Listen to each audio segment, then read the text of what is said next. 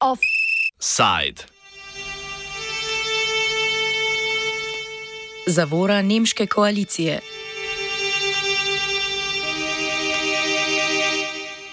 V Berlinu je vlada polno zaposlena z iskanjem rešitev za državni proračun v naslednjem letu. Ministr za gospodarstvo Robert Kabek, podpredsednik vlade iz vrst zelenih, je danes zato odpovedal udeležbo na konferenci Združenih narodov o podnebnih spremembah v Dubaju. Načrte vlade je pokvarilo Nemško ustavno sodišče, ki je ugotovilo, da je 60 milijard evrov težak sklad za podnebje in transformacijo financiran neustavno. Nemčija je od lanskega leta ustanovila več podobnih skladov, s katerimi je želela zaobiti fiskalno pravilo o zadolževanju države. Tak je naprimer sklad za investicije v vojsko, za katerega je kancler Olaf Scholz obljubil 100 milijard evrov. Sodba ustavnega sodišča je pod vprašanje ustavnosti zdaj postavila tudi druge sklade, s katerimi razpolaga nemška vlada, ne le podnebnega.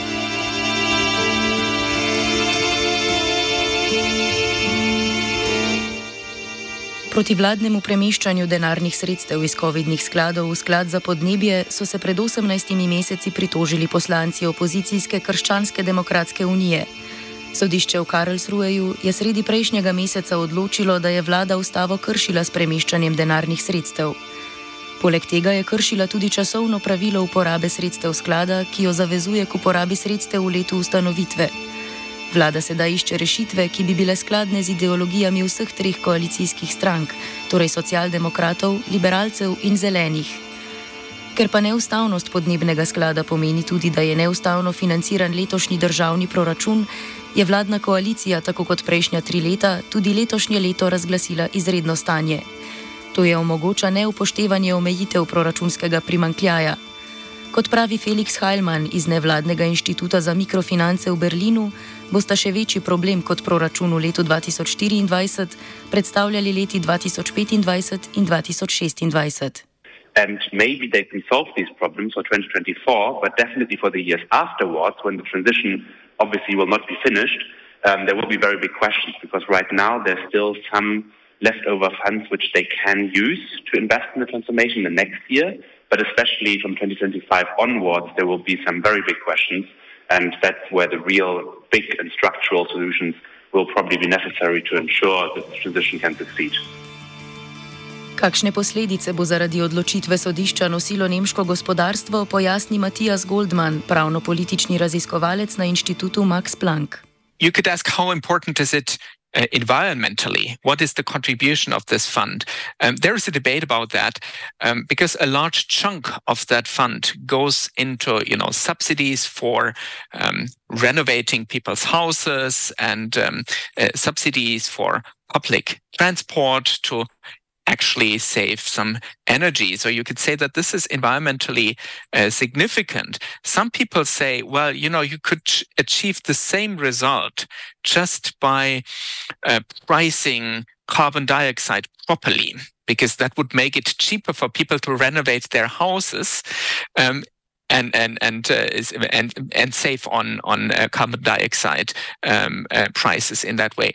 Um, I'm not so sure about that. I think that many of the things that are funded through these this 60 billion uh, fund, 60 billion euro uh, large fund, actually you know make climate transition policies much more acceptable to a lot of people, companies, and uh, also um, cities and and uh, and you know local communities, uh, because it actually um, create some important incentives for them to save carbon dioxide. So I think it's quite significant.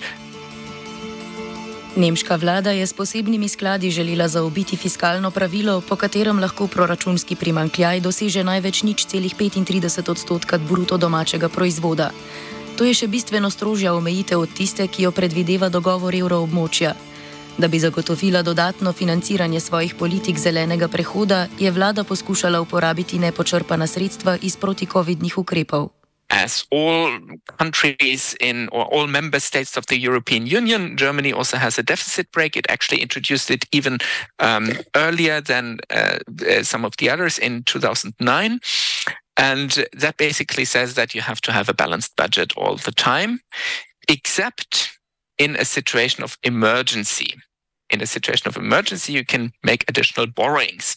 Now, there were two emergencies recognized by the German government so far. The first one was the climate emer- uh, sorry, the first one was the pandemic, COVID-19. That was an emergency in 2021. And the second was uh, the war against Ukraine. Um, that was in 2022. And in both of these cases, they said, well, we can't observe the strict deficit rules this year um, because of, uh, you know, ex- uh, uh exogenous circumstances. Let's let's put it like that, and uh, that gives greater financial leeway. So they used the leeway they had in 21 and 22 to fill up this fund which is to dispense the money later only, starting in 2023. And um, uh, that was somehow a trick to say, look, we stick to our deficit rule in 2023. We did not call for an emergency, but we used this trick by, uh, you know, putting funds that we could um, that we could get that we could fund through debt this is important, in 21 and 22 and dispense the money later on. So it was like a, um, a temporal issue. Yeah, they used an exception that they only had at a certain time to get funds on board, which they wanted to uh, to spend later on. Podnebni sklad se delno financira iz prodaje ogličnih kuponov, kot pri nas ekosklad. Drugo polovico pa financira odobreno zadolževanje države. exactly. There's there's revenue from the carbon uh, dioxide trade, and the rest of it is financed via debt.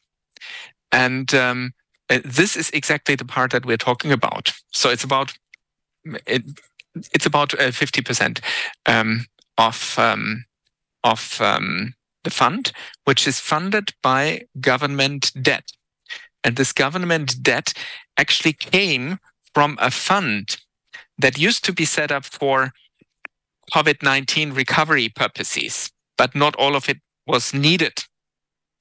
And um, the remaining funds were now transferred from this COVID fund into the climate transition or transformation fund, um, yeah, to, to fund all the projects um, under this program. Nemška vlada je za potrebe izogiba fiskalnim pravilom ustanovila več skladov, ki omogočajo večletno financiranje. Varen je 100 milijard evrov težak sklad za investicije v vojsko, saj so ga v parlamentu lani upisali kar v ustavo. Drugače je z 200 milijardnim skladom za gospodarsko okrevanje, katerega financiranje je sicer pri koncu, razlaga Felix Heilmann. So the two biggest funds which are affected by the judgment are um, the Economic Stabilization Fund and the Climate and Transformation Fund. The Economic Stabilization Fund is more of a sort of historical problem now because it was mainly used to respond to the energy crisis of the past year following Russia's war of aggression, and that has now no longer been as necessary because energy prices have come down a bit. So there's a sort of problem there, but looking to the future, if nothing changes, which obviously can't be taken for granted, that is not as big of a problem. But the 60 billion euros that are now missing, or the credit allowances for 60 billion euros that are now missing in the climate transformation fund, that is really the structural problem. And that's going to be an especially severe structural problem in 2025, 2026. And also, there are additional projects which this government has talked about of wanting to do, such as giving citizens money back in exchange for prices on carbon uh, and emissions, which are now also um, probably less likely to be financed. Proračun za leto 2024 je bil v začetku novembra že praktično dogovorjen, sedaj mora vlada pripraviti novega. Predlog, ki ga je predstavilo finančno ministrstvo pod vodstvom predsednika liberalcev Kristjana Lindnerja, predvideva zmanjšanje proračuna za okoli 17 milijard evrov. Kot nam je odgovoril Mark Hallenberg iz uprave, z upravne šole Herti v Berlinu, bo to zmanjšalo rast nemškega gospodarstva za okoli pol odstotka.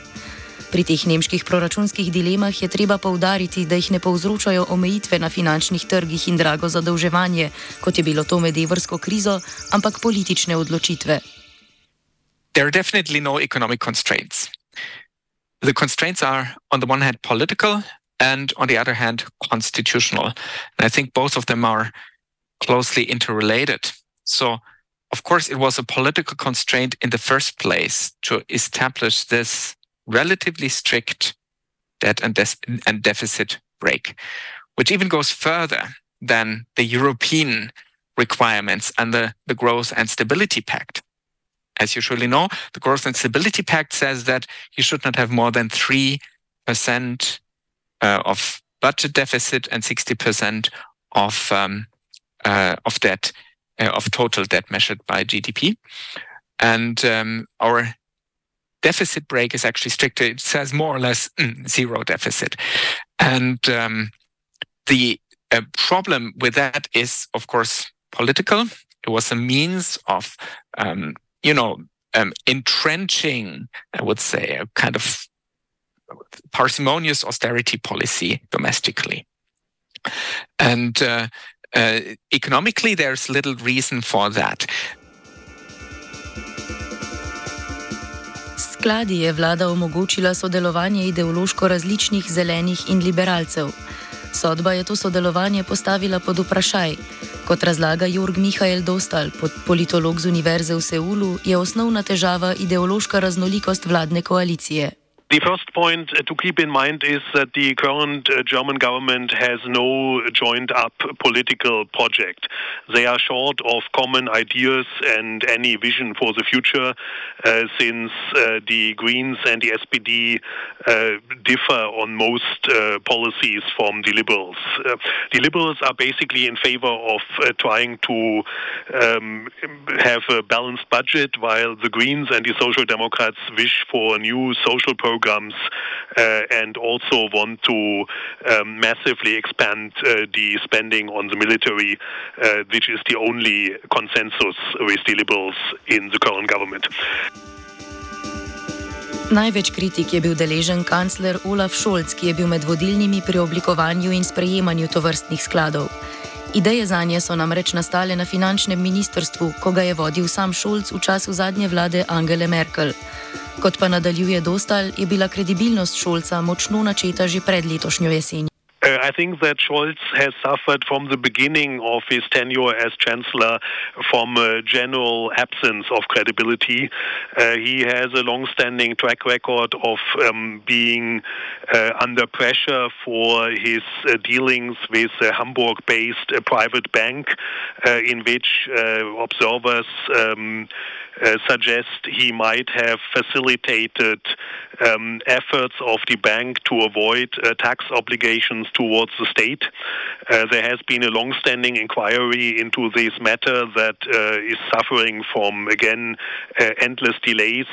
Scholz is unable to set an agenda and appears in many ways as a chance figure. his political authority in his own party and also within the coalition is, I I think, low, uh, and people do not expect him to have any chance to be re-elected. Ja. Dostal je tudi mnenja, da bo ustavno sodišče preprečilo dodatne scheme, s katerimi bi vlada zaobšla fiskalno pravilo. Debt, uh, annual debt uh, is uh, strictly fixed uh, and cannot be um, expanded at will by a political um, decision of the government, um, and I think that the Constitutional Court would uh, possibly come back on this decision in case the government is trying to search for an easy way out, uh, such as uh, to declare a new state of emergency um, or to find some other way to continue to maintain uh, shadow budgets that are actually ignoring the constitutional provisions on the uh, limits to new debts uh, of the public of the of public spending. Kot dodaja Matijas Goldman, težave s fiskalnim pravilom niso omejene samo na Nemčijo. Gre namreč za model, ki so ga v času evrokrize prevzele vse države s skupno valuto. All of what, what is happening now in Germany can happen in any other European country at any time. And uh, it really shows that Europe needs to rethink its fiscal framework. Because, I mean, through the eh, Growth and Stability Pact, all European countries to some extent have similar rules, and which means that all European countries have constraints for their investments. Discretionary spending is very limited. And in this period of fundamental economic transition, which is not just due to climate change, but also due to geopolitical changes and digitalization, we are tying our hands for doubtful economic reasons. And we should rather look at the United States, at the Inflation Reduction Act, at this you know massive spending that they're uh, carrying out, and this is. Uh, those are in, in some way our competitors or uh, we are competing uh, about uh, about government funding. I think in in in this period, um, uh, a, a, country or or an economy or a market is um, attractive also because of the government support it provides to innovative um, uh, technologies that are much in demand. And Europe is trying to lose the battle. Vsi sogovorniki se strinjajo, da 60 milijardne izgube vlada ne bo poravnala z manjšimi rezi na drugih proračunskih področjih. Menijo, da gre pri tem za strukturni primankljaj v financiranju politik zelenega prehoda.